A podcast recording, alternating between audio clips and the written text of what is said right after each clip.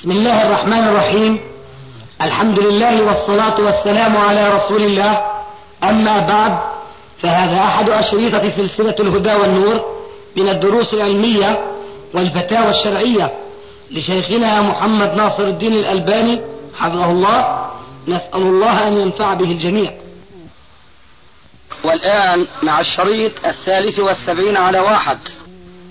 إن سألتهم ولئن سألتهم من خلق السماوات والأرض ليقولون الله. يصرحون بأن الخالق واحد لا شريك له. وهذه آية من آيات كثيرة تحكي عنهم إيمانهم بأن الخالق واحد. إذا ما هو كفرهم؟ قال تعالى في الآية الأخرى والذين اتخذوا من دونه أولياء ما نعبدهم إلا ليقربونا إلى الله زلفى فإذا هم غايتهم الله. وحينما اتخذوا الآلهة من دون الله جعلوه وسيلة توصلهم وتقربهم من الله تبارك وتعالى. فمن الجهل الفاحش المقيت أن المسلمين يظنوا أن الرسول عليه السلام كان الخلاف بينه وبين المشركين أنهم كانوا ينكرون وجود الله. لا أبدا. وإنما كانوا ينكرون ألوهية الله. ليس ربوبية الله. لا يؤمنون بالوحدانية بس أرجوك ما تستعجل شوي. لأنه التوحيد عند أهل العلم ثلاث أقسام. توحيد الربوبية توحيد الألوهية وبعضهم يعبر بتوحيد العبادة وهذا أوضح. بالنسبة لعامة الناس النوع الأول توحيد الربوبية ثاني توحيد العبادة توحيد الأسماء والصفات. ثلاث نعيد السؤال. ما خلاص مش هنعيد السؤال. مسجد آه، في مصلين معتادين يعني من أهل المنطقة ومصلين مارين مرور. فال وقت الصلاة بعد وقت الإقامة تأخر الإمام الراتب لما يطلع فأقاموا الصلاة وأم فيهم أحدهم. ف... والناس أهل المسجد يعني أهل المنطقة انتظروا الإمام الإمام الراتب ولا صلوا. فلما جاء الإمام الراتب أقيم الصلاة الثانية وصلوا جماعتين في المسجد في نفس الوقت. يعني يمكن مسبوقين بركعة أو ركعتين. الجواب أن صلاة الجماعة الأولى هي صحيحة. لا يقال بأنها باطنة لكنها جماعة آثمة من جهة أخرى لأنها افتاتت واعتدت على حق الإمام. لكن الإمام بدوره أخطأ. حينما كان عليه أن يصبر حتى تنصرف هذه الجماعة وهي حاملة أوزارها ويقوم بجماعته المشروع.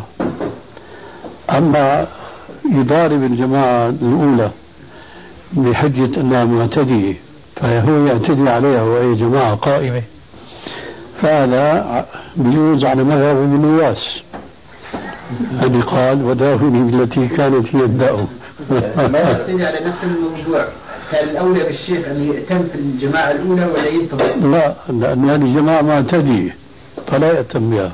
طيب سؤال آه سمعنا في أحد كتاباتك أو لا أدري هل هي صح عبارتك. لا يقال أحد كتاباتك. لا أدري. آه أحد مذكر كتاباتك مؤنث تقول إحدى. نعم جزاك الله خير. أنا بس بالنحوي بس أنت عربي. نعم. نعم.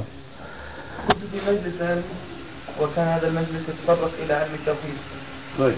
فدعموا كلامي كلامهم بكلام قلته أنت قلت أخطأ شيخنا ابن تيمية في مسألة كذا وكذا. فهل أنا أقصد هذه المسألة حقيقة؟ وين يعني ابن تيمية نحن متخذين النبي.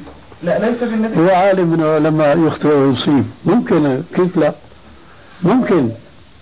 وهل تعتقد بأن ابن تيمية قال في هذه المسألة مثلا؟ ما هو حدد ما هي أنت الآن عم تطلق. لا الجنة والنار. ثناء الجنة والنار. آه بعتقد. أعتقد بأنه ابن تيمية قال هذه المسألة؟ أي نعم بعتقد. في أي كتاباته مثلا؟ وأنا عندي مقدمة تبلغ خمسين صفحة وزيادة. شرحت هذه الموضوع ونقلت آه، كلام ابن تيمية. شيء من مطبوع وشيء من مخطوط. وكلام ابن القيم تلميذه صريح في كتابه آه، حادي الأرواح إلى بلاد الأفراح.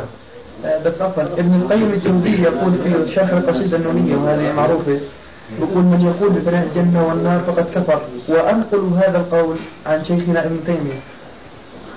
كيف؟ وهذا ممكن يكون برهة من زمان وأنا لمحت بهذا الكلام. ابن القيم له كلام في كتابه الوابل الصيب في الكلم الطيب بيقول وأنا نقلت هذا الكلام هناك وبينت أنه هذا كان في مرحلة من دراسته. يقول ابن القيم في كتابه هذا الوابل الصيب في الكلم الطيب أنه النار ناران. نار تفنى وهي نار الموحدين ونار تبقى وهي نار الكافرين. فقلت أنا حينئذ لعل هذا الذي يعني قاله هو في آخر دراسته يعني ونضجه العلمي بحث طويل في هذا يعني علمت في زعمي واعتقادي بموضوع من كل نواحيه. وبعدين أنا ما بيهمني الشخص بيهمني من قد يقول نعم. بهذا القول يعني. وهذا يوجد من يقول به. إيه، تفضل الله عليكم. تفضلوا يا سيدي. يعني درس ودرس ما بيجتمعوا. ما نحن خايفين أستاذي مع الدرس يصير في درس هلا. يلا. بس آه، إذا سمح رجال قيل بأن حساد ابن تيمية كفر فعندما توفي أخذ هذا الكفر من قبل المساجد فلم يجد يعني ما وجد تلاعب إلا في العقيدة في هذه المسألة يعني يقال إنه هذه نعم.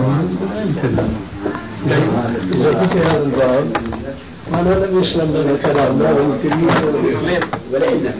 أحدكم المجلس فليسلم. وإذا خرج فليسلم. فليست الأولى بأحق من الأخرى. إذا دخل أحدكم المجلس فليسلم. وإذا خرج فليسلم. فليست الأولى بأحق من الأخرى فأنت الآن دخلت المجلس. وهذا من معاني قوله عليه السلام في الحديث المعروف الصحيح. والذي نفس محمد بيده لا تدخلوا الجنة حتى تؤمنوا. ولا تؤمنوا حتى تحابوا. أفلا أدلكم على شيء؟ إذا فعلتموه تحاببتم أفشوا السلام بينكم. عالطالع والنازل مثل منشار عالطالع النازل السلام عليكم عشر. ورحمة الله عشرون. وبركاته ثلاثون. فضل كبير من الله.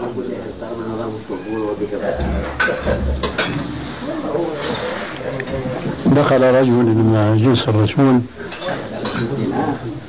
فسلم قائلا السلام عليكم. فقال عشرا جاء رجل ثاني قال السلام عليكم ورحمة الله. قال عشرون. جاء الثالث. قال السلام عليكم ورحمة الله وبركاته. قال ثلاثون. قالوا يا رسول الله دخل الرجل الأول. قلت عشر الثاني والشهود الثالث ثلاثون. قال الأول قال السلام عليكم كتب له عشر الثاني زاد فزاد الله له قال عشرون. الثالث أتمها قال السلام عليكم ورحمة الله وبركاته. فله ثلاثون. هذا نفس؟ عليه السلام نفس الطريقة وعليكم السلام أيوة. هو هنا تأتي الآية المعروفة. وإذا حييتم بتحية فحيوا بأحسن منها أو ردوها. إذا قال المسلم السلام عليكم فرد وعليكم السلام. له عشر قال والسلام عليكم ورحمة الله. له عشرون. لكن النكتة إذا قال المسلم قولا كتب له ثلاثون.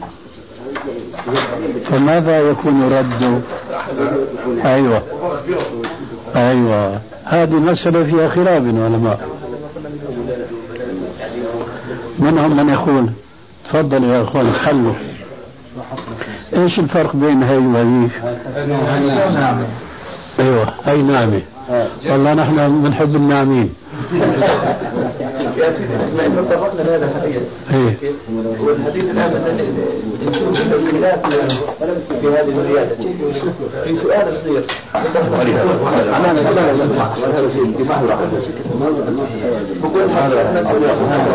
نعم. نعم. أيوه. ومن سن في أيوه. الحديث الثاني كل بدعة ضلالة. الان كيف يعني هل نعتبر هذول متضادين الحديثين ام لا في معهم؟ حاشا وهما يتطابقان بهذا الشيء هذا من الزياده قال لو زادها أكثر لكان له دليل فلو زاد مذكورا ورضوانا أو زاد في الحد في التحيه أكثر من هذا لأنه ذكر يعني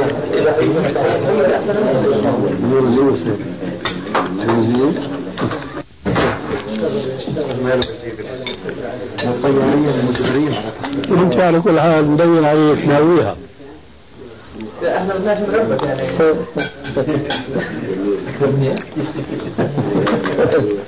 لا أكثر من 30 سؤال ما برا جاي ما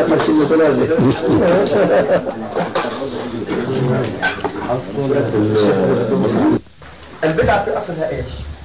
هذا المهم. مش مشان أنا البدعة هي مش شيء في العبادة. بتحصل مشان أذكر فيها لله سبحانه وتعالى. صاحبك عم يتعب حاله كثير. لا والله يفهم بس يعني أنا ما نفيت إنه بده يفهم أنا بأكد إنه بده يفهم بس في فهم بدون تعب. في فهم تعب. لا في حد ذاتها كهيئة يعني. آه، شيء حسن قلت يا ابو مصطفى؟ ما كنت معي. أنا عم اسال سؤال ما عم يجاوبني. فعم يتعب حاله. أنا بسألك من سن معناها من ابتدع؟ قول لا قول نعم قول ما شئت. أنا أقول ما شئت. يعني اللي تفهمه من الحديث شو هو؟ نفس المعنى. ليس لي نفس المعنى. يا أخي بسألك ما هو المعنى.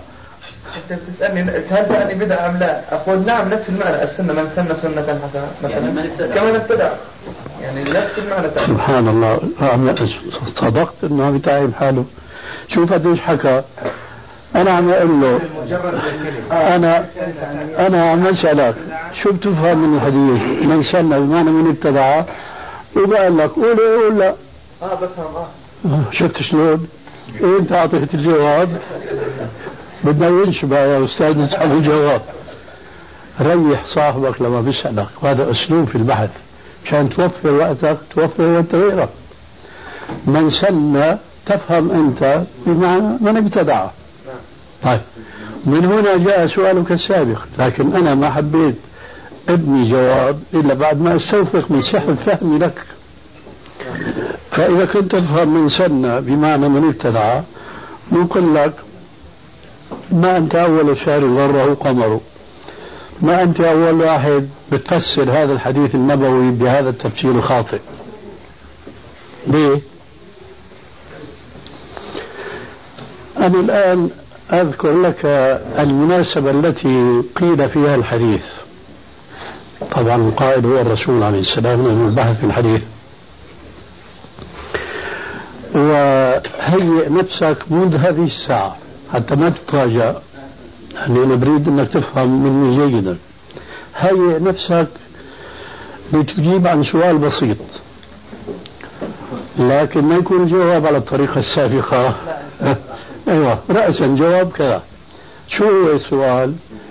القصة اللي راح أحكي لك إياها مش من عندي من صحيح مسلم. بسألك سؤال اللي البدعة فيها القصة وينها؟ بتقول لي هون. أو بتقول لي والله ما شفت في بدعة. مفهوم هذا الشيء؟ طيب. روى الإمام مسلم في صحيحه عن جرير بن عبد الله البجلي رضي الله عنه كنا جلوسا مع النبي صلى الله عليه وسلم فجاءه أعراب مجتابي النار متقلبي السيوف عامتهم من مضر بل كلهم من مضر فلما رآهم رسول الله صلى الله عليه وسلم تمعر وجهه ثم خفض تمعر يعني تغير ملامح وجهه أسفا وحزنا. كانوا فقراء. ثم قال عليه السلام يا أيها الذين آمنوا أنفقوا مما رزقناكم من قبل أن يأتي أحدكم الموت فيقول رب لولا أخرتني إلى أجل قريب إلى أجل قريب فأصدق وأكن من الصالحين.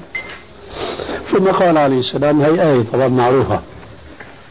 ثم قال عليه السلام تصدق رجل بدرهمه بديناره بصاع بره بصاع شعيره. فقام رجل من الحاضرين وانطلق إلى داره. ليعود وقد حمل في طرف ثوبه ما تيسر له من صدقة. وضعه أمام الرسول عليه السلام. فلما رأى الصحابة الآخرون ما فعل صاحبهم قام كل منهم وانطلق إلى داره ليعود أيضا بما تيسر له من الصدقة. فاجتمع أمام الرسول عليه السلام كأمثال جبال صغيرة يعني من الصدقة. فلما رأى ذلك رسول الله صلى الله عليه وسلم تنور وجهه كأنه مرهبة وقال من سن في الإسلام سنة حسنة فله أجر وأجر من عمل بها يوم القيامة دون أن ينقص من أجورهم شيء. ومن سن في الإسلام سنة سيئة فعليه وزرها وزر من عمل بها إلى يوم القيامة دون أن ينقص من أوزارهم شيء. السؤال أرني البدعة إذا فهمك خطأ. فهمك أن من سن بمعنى من ابتدع خطأ. لأنه مستحيل أنا أقول وأنا بطبيعة الحال ما بيجوز الإنسان ينكر أصله. أنا ألباني صحيح بتكلم باللغة العربية وهذا من فضل الله علي لكن أنا ألباني. فهذا الألباني يستحي أن يقول بمناسبة كهذه المناسبة تشهد أنت وكل من يسمع الحديث أنه ما في بدعة. فيقول من ابتدع في الإسلام بدعة حسنة. كيف هذا ولم يكن هناك بدعة؟ إذا فسرت الحديث كل بدعة ضلالة وكل ضلالة في النار. هذا ما في تعارض. وضح لك وسأزيده توضيحا. ها؟ وضح لي الإجابة تماما لا توسع حديث أنا قلت لك. أنا راح أوضح لك. لكن الكلام اللي حكيته واضح لديك. نعم. وسأزيده توضيحا أقول.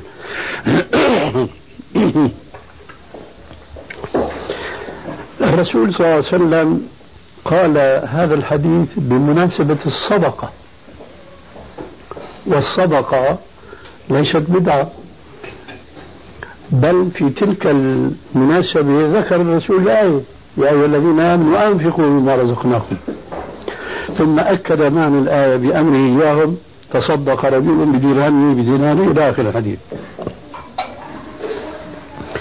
فإذا لم يقع في تلك المناسبة بدعة إطلاقا وإنما هناك صدقة والصدقة اسمان فرض وسنة إذا شو معنى من سنة؟ معنى من سنة لغة ودلالة من الحديث والمناسبة من فتح طريقا. من فتح طريقا. إلى سنة حسنة. وهذا اللي وقع الرجل الأول هو أول من انطلق إلى دار يأتي بصدقة. فتبعه الآخرون. فكتب له أجر صدقته وصدقة الآخرين. لأنه هو اللي حرك الخير هو اللي فتح الباب.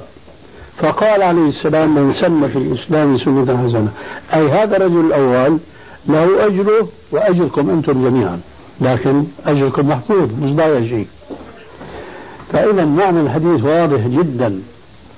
من سن في الإسلام من فتح طريقا في الإسلام طريقا حسنا معروفا شرعا مش أنا بقول هذه حسنة وأنت تقول لا سيئة أو بالعكس. لازم يكون الحديث في واد وكل بدعة ضلالة في واد آخر. فيبقى الحديث كل بدعة على عمومه وشموله وليس فيه تخصيص. كما يظن الظانون توهم منهم بأن هذا الحديث من سن معناه من ابتدع. بينما هذا خطأ فاحش جدا. خطأ فاحش جدا أن ينسب إلى الرسول عليه السلام أنه قال بمناسبة فتح باب الصدقة المشروعة بالنص القرآن والسنة من ابتدع في الإسلام حاشا لرسول الله. أنا أستحي أن أقول هذا. أنا شأفة ألباني يا أبو مصطفى نستحي هذا. ما بالك برسول الله أفصح من نطق بالضاد؟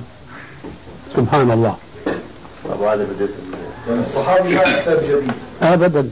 ما اتى بجديد السنة السيئه ما علاقتها بالبدعه ما يعني بالعكس كمان طيب عندكم شيء آخر ولا مليتوا الظاهر؟ طبعا كتاب الله وسنة النبي لا, لا نقاش فيها والمذاهب الأربعة الفقهاء لتوضيح بعض الاجتهادات أو تفسير لما ورد بالسنة هل إحنا كمسلمين ملزمين بالالتزام بمذهب معين ولا نعتمد على أي شيء يقع بين يدينا أو نأخذ ما يناسبنا؟ أستاذ واضح من آه، أحاديثك أنك بتأكد دائما على مسألة وبتكرر عليها مشان ترسخ في الأذهان جيدا وإلا قد سبق أني قلت نحن لا نرى التدين بالتقليد وإن كان التقليد قد يجب على كثير من العلماء حينما يجهدون الحكم الشرعي. فالأئمة الأربعة خدموا الإسلام وفسروا القرآن وبينوا الأحكام المستنبطة من الكتاب والسنة. هذا أمر لا إشكال فيه وهو مما لا يختلف فيه اثنان ولا ينتطع فيه عنزان أو بفشان لكن الذي ينبغي أن يكون راسخا في الأذهان هو أن اجتهادات الأئمة فيها الخطأ وفيها الصواب. وأن تمييز الخطأ من الصواب هو من وظيفة العلماء وليس من وظيفة عامة الناس. ولعلي كنت ذكرت في بعض الجلسات وأنت حاضر فيها يمكن قلت أن الله تبارك وتعالى جعل المجتمع الإسلامي من حيث علمه وجهله قسمين. في مثل قوله عز وجل فاسألوا أهل الذكر إن كنتم لا تعلمون. فقسم أهل ذكر وقسم لا يعلمون. فأوجب على كل من القسمين واجبا غير الواجب على الآخر. أوجب على من لا علم عنده أن يسأل أهل العلم. وأوجب على أهل العلم أن يبينوه ولا يكتموه على الناس. فالسائلون الواجب عليهم أن يسألوا أهل العلم ما عين لهم شخصا بعينه. ما قال مثلا سلوا أبا بكر أو عمر أو عثمان أو عليا ولما قال فاسألوا أهل الذكر. فكان الأصحاب إذا وقعت لهم مسألة ما بيعرفوا الحكم فيها لقوا أبا بكر سألوه لو عمر سألوه ابن مسعود سألوه إلى ما في واحد يقول أنا بكري. ما أؤمن إلا بعلم أبو بكر وآخر عمري وعثمان وع... ما في شيء من هذا أبدا. وإنما أهل الذكر. من كان عنده من أهل الذكر سألوه. فيكون الواقع أن تارة يسأل أبو بكر تارة عمر تارة مسعود تارة ابن عمر إلى آخره. وهكذا ينبغي أن تمشي الخطة لأنه وكل خير في اتباع من سلف وكل شر في ابتداع من خلف. لما صارت القضية بقى حزبية مذهبية صار كل الناس يتحزب لإمام ويتعصب له فنتج من ذلك مفسدتان.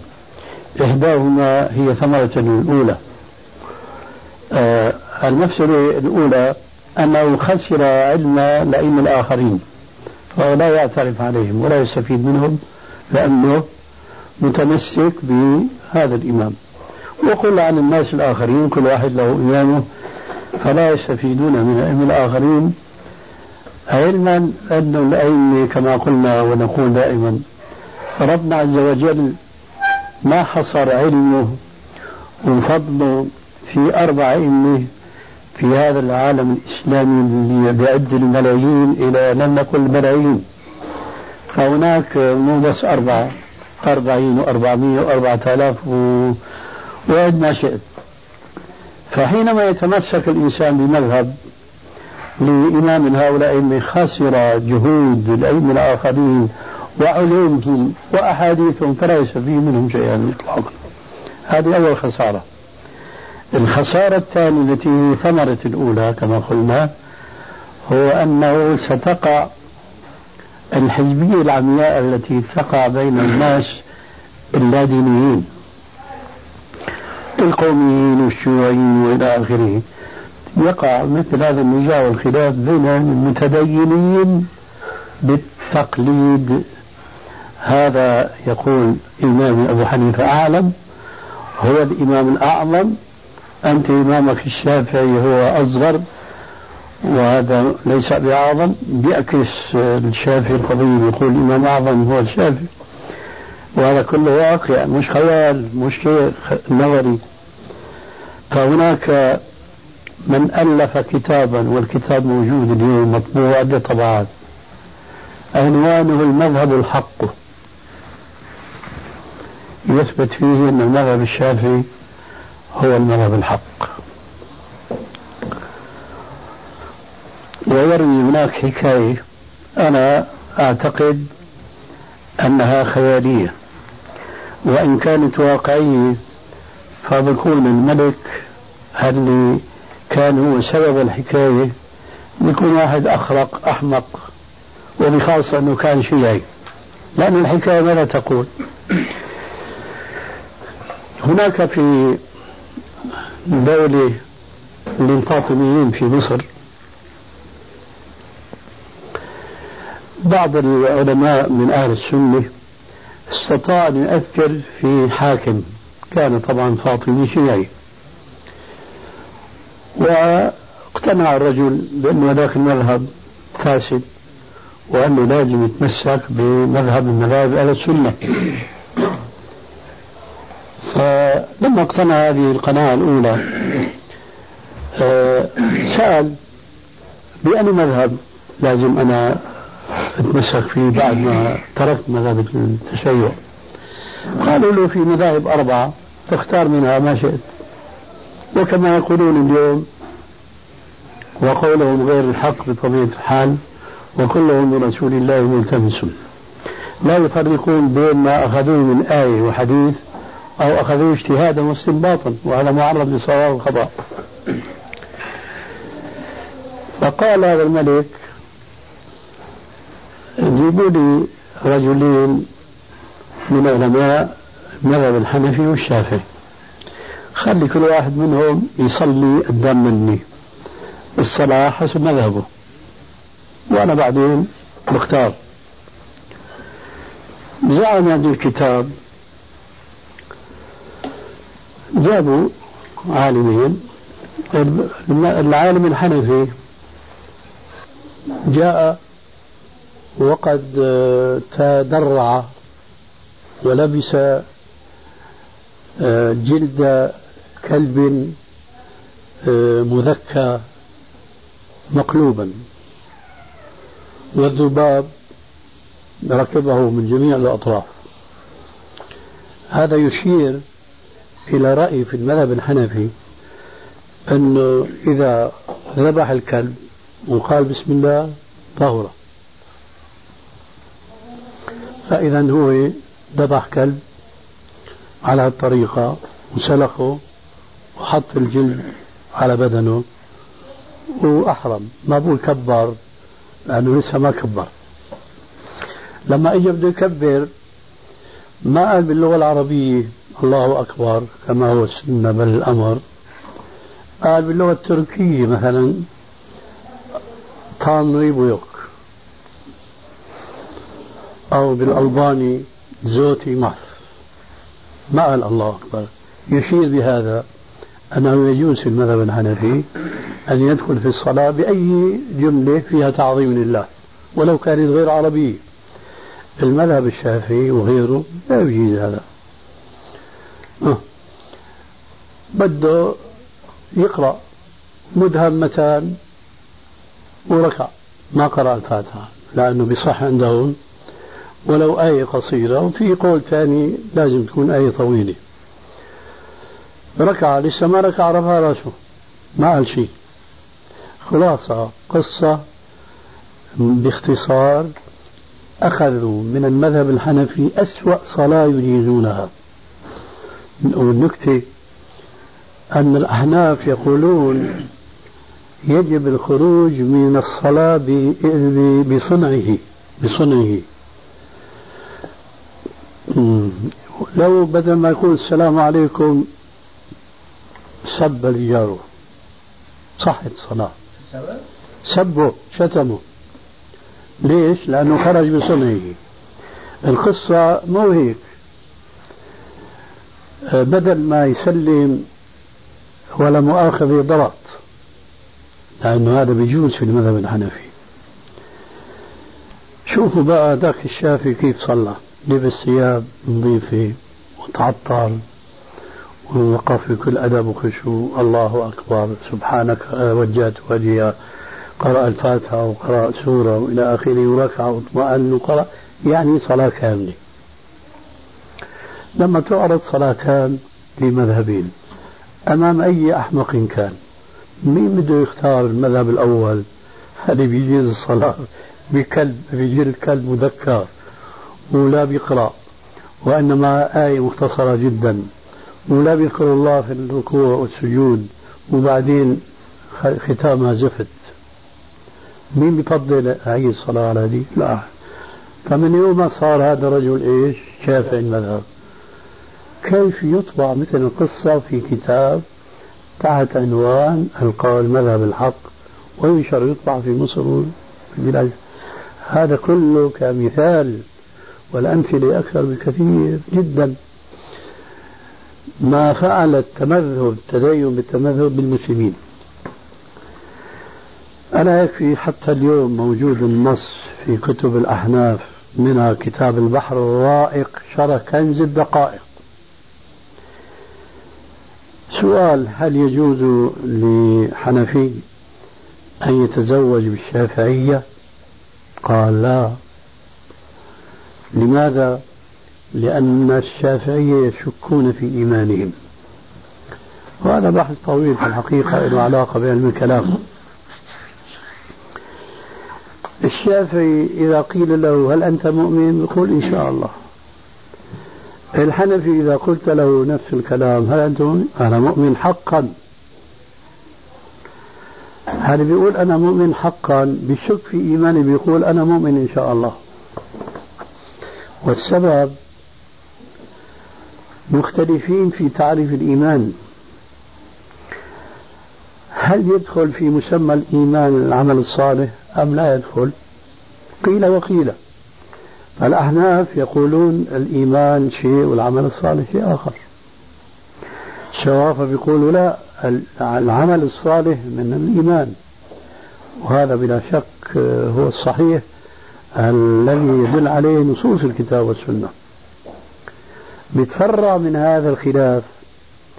هل اللي بيعتقد أن الإيمان ليس له علاقة بالعمل الصالح؟ لما بتسأله عما في قلبه هو بيعرف أنه مؤمن ولذلك يجزم يقول لك أنا مؤمن حقا. بس هذا بناء على تعريف الإيمان اللي لا يدخل في مسمى العمل الصالح. هذاك الثاني الشافعي وأنا معهم في هذه المسألة بيقول لك أنا مؤمن إن شاء الله. ليه؟ لأنه مفهوم الإيمان عنده أوسع. يدخل في الإيمان الأعمال الصالحة وهذا صريح القرآن. قد أفلح المؤمنون الذين هم في صلاتهم خاشعون والذين هم عن اللغو إلى آخر الآيات معروفة. فلما بيقول المسلم الفاهم لعقيدته حقا أنا مؤمن حقا؟ معناه هو خاشع هو عن اللغو هو هو مين بيقدر يشهد عن نفسه بهذه الشهادة؟ لا. لكن اللي بيقول الإيمان هو بس التصديق بالقلب وإقرار باللسان هو ينادي يقول أنا مؤمن حقا. بل بعضهم قال إيماني كإيمان جبريل عليه السلام. من هذا الخلاف جاءت الفتوى السابقة. جواب لسؤال من سأل هل يجوز للحنفي يتزوج بالشافعي؟ بيقول لك لا. ليش؟ لأن بتقول أنا مؤمنة إن شاء الله. هي بتشك في إيمانها. هي ما بتشك في إيمانها. بتشك في الإيمان بمفهوم العمل الصالح مش بالإيمان بمفهوم الحنفية وراح زمن يعمل الأحناف يمكن خمسين سنة ما يتزوج الحنفي بالشافعي إلى أن جاء رجل معروف عند الأحناف وله كتاب اليوم من كتب التفاسير تفسير بالسعود هذا أبو السعود من شهرته بالإفتاء سمي بمفتي الثقلين لأنه بيزعموا أنه كانوا الجن يجوا يستفتوه. فيفتيهم جاء دور هذا العالم الفاضل فسئل نفس السؤال السابق. هل يجوز للحنفية يتزوج بالشافعية شوفوا بقى الجواب الأحسن ولا الأسوأ أنه هذا ولا هذاك قال نعم يجوز تنزيلا لا منزلة أهل الكتاب. شو رأيكم؟ هذا كله سببه تحزب المذهبي. كل مين؟ ماسك المذهب هذا هو دين الله. لذلك بعض البلاد الإسلامية ما بيتعرفوا على شيء اسمه غير المذهب الحنفي. ومنها بلادنا نحن. وتحت من إسطنبول كلها تركيا. ما بيعرفوا غير مذهب أبي حنيفة. لا عقيدة ولا فقها المذاهب الأخرى المذاهب الأخرى إذا سمحت لكمل الكلمة في حاشية ابن عابدين. إذا سئلنا عن مذهبنا قلنا مذهبنا حق يحتمل الخطأ. وإذا سئلنا عن مذهب غيرنا قلنا خطأ يحتمل الصواب. تفضل. بالنسبة للأتراك هم على المذهب الحنفي. طبعا. في مجلة الأحكام العدلية وضعت عنوان الإتراك ولا تزال تطبق في بعض البلاد العربية ومنها الشرح في العلامة علي حيدر شرحها. يقول إنه الأحكام لم تؤخذ من المذهب الحنفي لحاله وإنما أخذت معظمها من المذهب الحنفي وبعض المذاهب الأخرى اللي كان يستحسن المذاهب الثانية الحنبلي والشافعي والمالكي نعم. هذا بارك الله فيك. المذهب الحنفي. يعني هو مأخوذ معظمها من المذهب لكن ما كانوا ضد المذاهب الأخرى. يعني أخذوا عرفت شيئا استحسنوه. وفتت اشياء نعم. أنت تتكلم عن المجلة مجلة أحكام المجلة أحكام العقود النكاح والطلاق ونحو ذلك. معاملات معاملات أحسنت في التعبير. المعاملات أنا أعرف عن هذا عن المجلة هذه لكن هل الإسلام هو معاملات فقط؟ طبعا لا. هم اضطروا أن يأخذوا بعض الأحكام من المذاهب الأخرى رغم أنفهم. إيه لكن في عبادتهم في صلاتهم في صيامهم في حجهم في كل شيء فهم أحناف بالمية مية. أنا أعرف هذه الحقيقة. وأنا قلت في أول الجلسة أنه بعض الفقهاء لما تكلمنا عن الطلاق بلفظ الثلاث ويرحمك الله. قلنا إنه من قبل 20 سنة اضطروا إنه يتركوا الفتوى بأن الطلاق بلفظ الثلاث ثلاث لأنه رأوا انه لاحظوا إنه هذا بيجيب بلايا ومشاكل بين الأزواج. فتبنوا مذهب ابن تيمية مش مذهب المذاهب الأربعة. المذاهب الأربعة مجمعة على أن الرجل إذا قال لزوجته أنت طالق ثلاثا بانت منه بينونة كبرى. وهكذا كان العمل. قرون طويلة. في العصر الحاضر والأخير تبنوا رأي ابن تيمية. اللي كان يجاهد في سبيل الله وإقناع العلماء. وإفتاء الناس عامة الناس بأنه هذه تعتبر طلقة واحدة. ولو كلام قوي جدا. بيقول مثل من يقول لزوجته أنت طالق ثلاثا مثل رجل آه، له حق على آخر؟ ثلاث دنانير مثلا. يقول له هذا الرجل هل عليه الحق ثلاث دنانير تفضل هي ثلاث دنانير لكن الواقع هو بيقدم له دينار واحد. العمل واحد اللفظ ثلاثة. بيقول له خذ هي ثلاث دنانير شو أعطاه؟ أعطاه دينار واحد. عمليا دينار لفظا ثلاثة. ومثال لعله أوضح. بدل ما يقول سبحان الله سبحان الله يطول الشهور ومستعجل سبحان الله 33 شو تسجل له هذا؟ سجل له مرة واحدة. 33 هذا لغو من الكلام. فقول المطلق أنت طالق ثلاثا هذا لغو شرعا. ليه؟ ذكرنا لكم سابقا الطلاق مرتان فإمساك بمعروف أو تسليم. أي في كل طلقة إمساك معروف تحذير المهم فبارك الله فيك المجلة أخذت بعض الأحكام اضطرارا مش إيمانا كما فعلوا في زمن الأخير. أخذوا بفتوى ابن تيمية اضطرارا لحل مشاكل الأزواج اللي بيطلقوا بكلمة واحدة روحي طالقة كل ما حل لك شيخ حرم لك شيخ. إلى آخره من الجهالات هذه. أنا أعرف بعض القضاة في المحاكم الشرعية عندنا في دمشق. كان أنا بيعاديني لأني بفتي بالسنة وهو في المحكمة الشرعية يفتي بأن الطلاق الثلاث يعتبر ثلاثا وأنا بفتي بناء على السنة. كان يعاديني. بعد مدة رجع أخذ بالفتوى اللي كنا نفتي فيها. ليه؟ إيمانا بأنه هيك السنة؟ لا لحل مشاكل الناس. فالمجلة اللي عم تفضل فيها. أخذوا بعض الأحكام اضطرارا مش إيمانا بأنه هذا هو الصواب. ولذلك نحن نريد من المسلمين. استحسانا نعم؟ استحسانا وهذا الاستحسان كمان شو محله من الإعراب عند الفقهاء؟ الإمام الشافعي يقول من استحسن فقد شرع. يضربها ضرب هذه قاعدة موجودة عند الحنفية. والله يقول أنه شركاء شرعوا له من الدين. ما, ما لم يأذن به الله.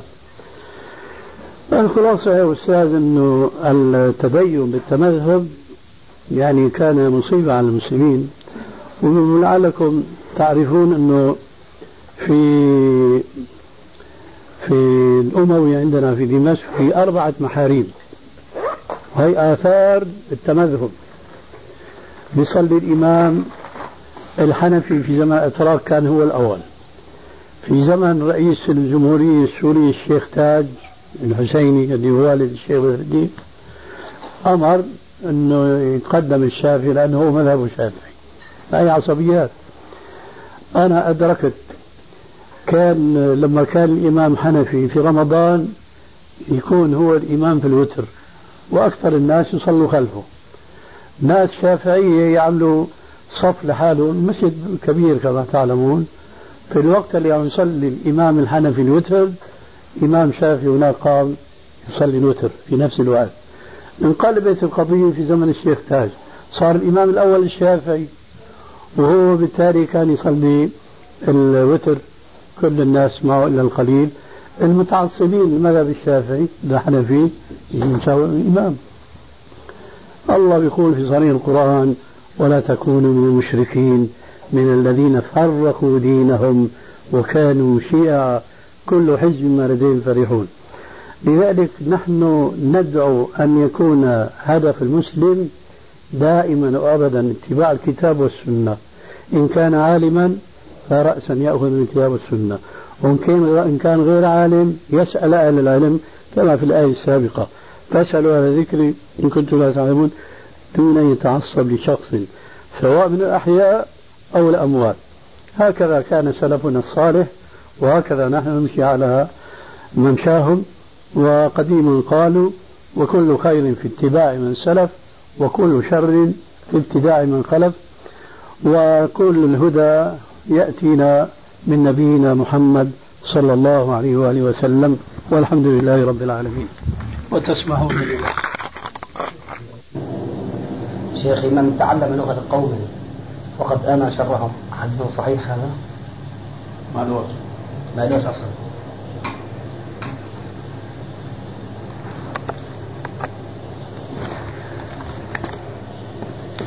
في أستاذ هذا السؤال هو شرف النسب أستاذي.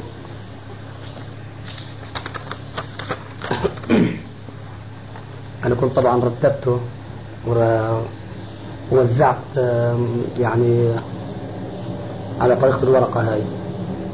رياض هو يكون آه، عم وفاء وعمه بنفس الوقت توفيق.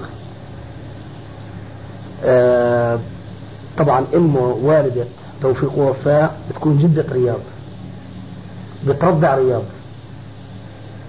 طبعا الرضعات المشبعات فبيجي لتوفيق بنت اسمها علياء هذه علياء طبعا آه، إيش بتكون أستاذ بالنسبة لرياض؟ لأنه يريد رياض أو يريد رياض منها الزواج. البنت بنت مين؟ توفيق؟ أي نعم البنت بتكون بنت توفيق. بنت توفيق. أي نعم. والجدة بتكون جدة رياض. الجدة بتكون جدة رياض. وبتكون الجدة بالنسبة لتوفيق شو بتكون؟ آه بتكون أمه. أم توفيق. أم توفيق. ما بيجوز يتزوجها لأنه بتكون عمها جزاك الله خير.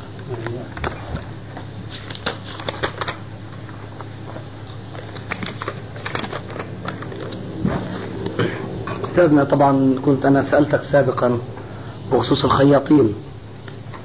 وهذول طبعا جزاهم الله خير يعني في عندنا بعض إخواننا يعني من الخياطين يعني حابين إنه طبعا من الهدو الجديد بدهم يعرفوا الحرام والحلال بخصوص صنعتهم هاي خصوصا إنهم خياطين للنساء.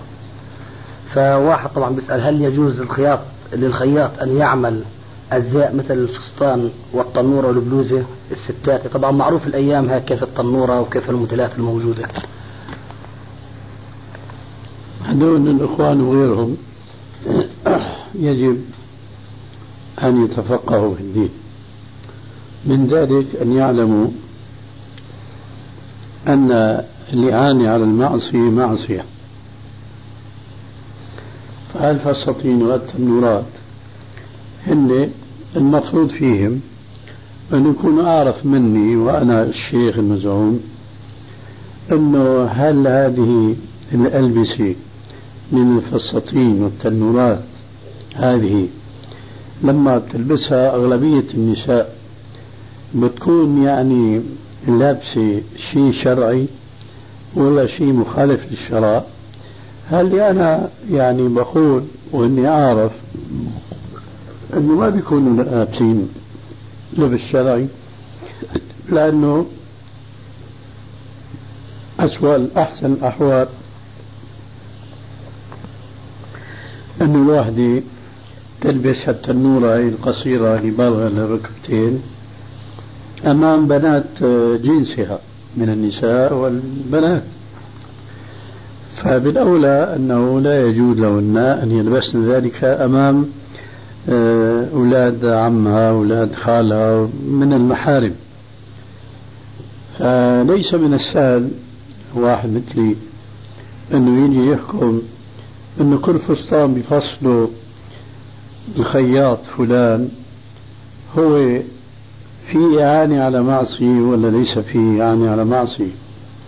هذا صعب بالنسبة لي لكن هن لازم يعرفوا أنه الفساتين هذه يعني بتلبسها المرأة اللي يفصل على بدنها فقط أمام زوجها؟ فقط. لأنه أمام زوجها إن شاء الله بتبقى متعرية كما خلقها الله. لكن لا في الغالب هذه الألبسة مو مشان الزوج وإنما مشان أن تظهر المرأة قدام النساء مثيلاتها بأبهى زينة. فعلى ذلك على هذه القاعدة يجب أن الجماعة يقيسوا هذه الأمور. فالفستان من الشكل الفلاني مثلا مخصر قصير الركبتين هذا مبين أنه لا يجوز. فستان طويل فضفاض واسع. فهو جائز وفي حدود أنه ما تخرج به إلى الشارع إذا كان الفستان مزخرف مزين. ولذلك فالمسألة لا يمكن إعطاء تفاصيل لأنه أنا لست بخبير بالفساتين اللي هن راح يفصلوها لكن هن ياخذوا القاعدة ويمشوا عليها. الإعانة على المعصية معصية. فالفستان اللي بدهم هن يفصلوه إذا كان بيعرفوا أنه هذا فيه إعانة على المعصية فتفصيلهم معصية والسلام. أستاذنا في يعني بعض المحلات الآن أو بعض الشركات اللي فيها خياطة في منهم بيشتغلوا مثلا البالطو اللي هو الآن طبعا معروف بالجلباب. لكن في عندهم أولا منهم من يكون من الكفار ومنهم إن كانوا طبعا مسلمين في عندهم من النساء الكاسيات العاريات في هذا فهل يجوز له أن يعمل مع هؤلاء؟ طبعا هم يختصوا في عمل هذا البالطو اللي هو المعروف الآن بالجلباب. يعني هذا من لباس النساء. هذا من لباس النساء. وليس لباسا شرعيا. نعم. فيطبق الكلام السابق. عملوا عندهم أستاذ لو كان مثلا عمل سابق بده يطبقه لكن الآن السؤال هل يجوز له أن يعمل عند هؤلاء الناس؟ أخذت الجواب. هل هو يعين على معصية أم لا؟ أنت مسألة نعم. يعين على معصية أم لا؟ إذا العمل أستاذ اللي بده يشتغل فيه لا يعين على معصية لكن موجودين جوا أستاذ هم مضطرين في المعاصي مش بعملهم مش بشغلهم شلون ما بيعين ما بدهم يفصلوا فصل لا. جلابيب؟ أي نعم جلابيب بدهم إيه الجلابيب شرعية. طبعا الآن الغالب أن جلابيب السوق كلها ضيقة. أعطيتها الجواب نعم. كل شيء في يعني على معصية فهو معصية نعم. أما عملهم في الجو إذا كان الجو موضوع فيه اختلاط بين الشباب والشابات فواضح أنه لا يجوز ولو كان اللي راح يفصلوه شرعي أستاذ نقدر نستطيع أستاذ الآن نأخذ من خلال جوابك هذا حتى أصحاب المحلات التجارية اللي بتشتري هذه الفساتين المعرقة والملونة. كذلك أستاذ عليهم إثم كبير أستاذ في بيع هذه كل ما أنا على معصية فهو معصية ما كان غير هيك. جزاك الله خير. استووا. استووا وتراصوا الله أكبر الله أكبر. أشهد أن لا إله إلا الله. أشهد أن محمدا رسول الله. حي على الصلاة. حي على الفلاح. قد قامت الصلاة قد قامت الصلاة. الله أكبر الله أكبر. لا إله إلا الله. اللهم من دعوت الصلاة مقام محمود الذي وعدته تراصوا بالمناكب والأقدام. لا تدعوا خروجات للشيطان. الله أكبر.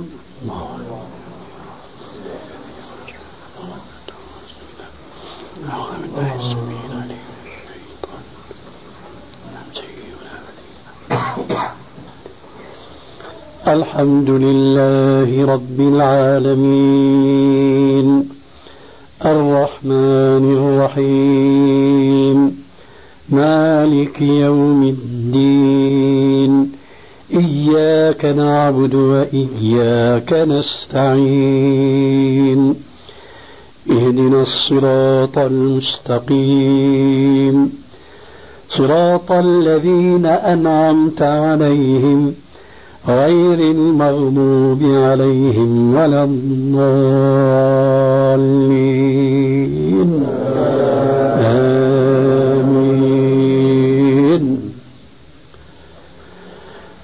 وقال الذي آمن يا قوم اتبعون أهدكم سبيل الرشاد.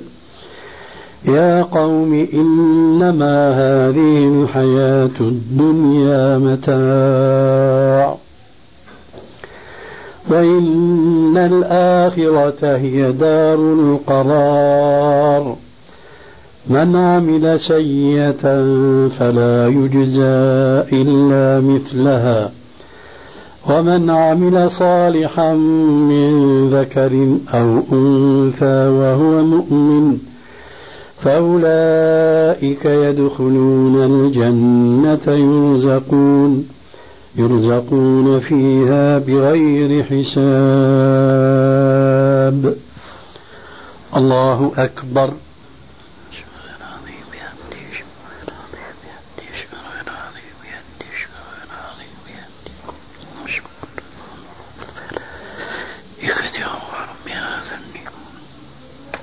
سمع الله لمن حمده.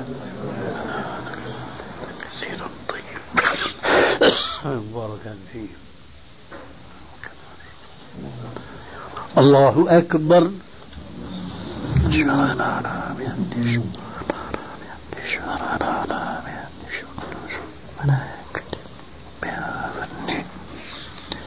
الله أكبر.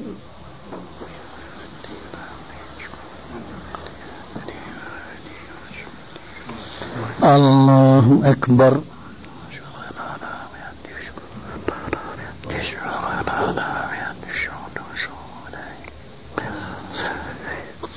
الله أكبر.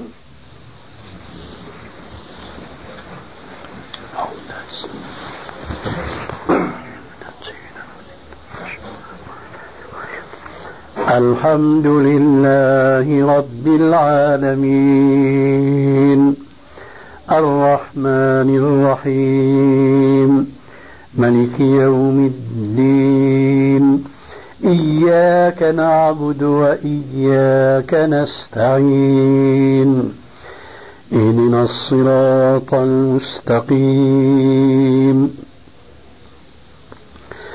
صراط الذين أنعمت عليهم غير المغضوب عليهم ولا الضالين. آمين.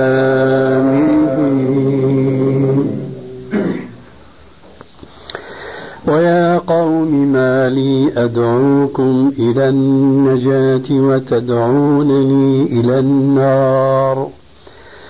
تدعونني ليكفر بالله وأشرك به ما ليس لي به علم وأنا أدعوكم إلى العزيز الغفار.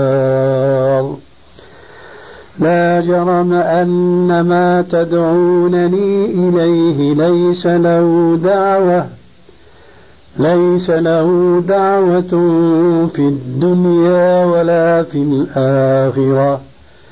وأن مردنا إلى الله. وأن المسرفين هم أصحاب النار. فستذكرون ما أقول لكم. وأفوض أمري إلى الله. إن الله بصير بالعباد. الله أكبر.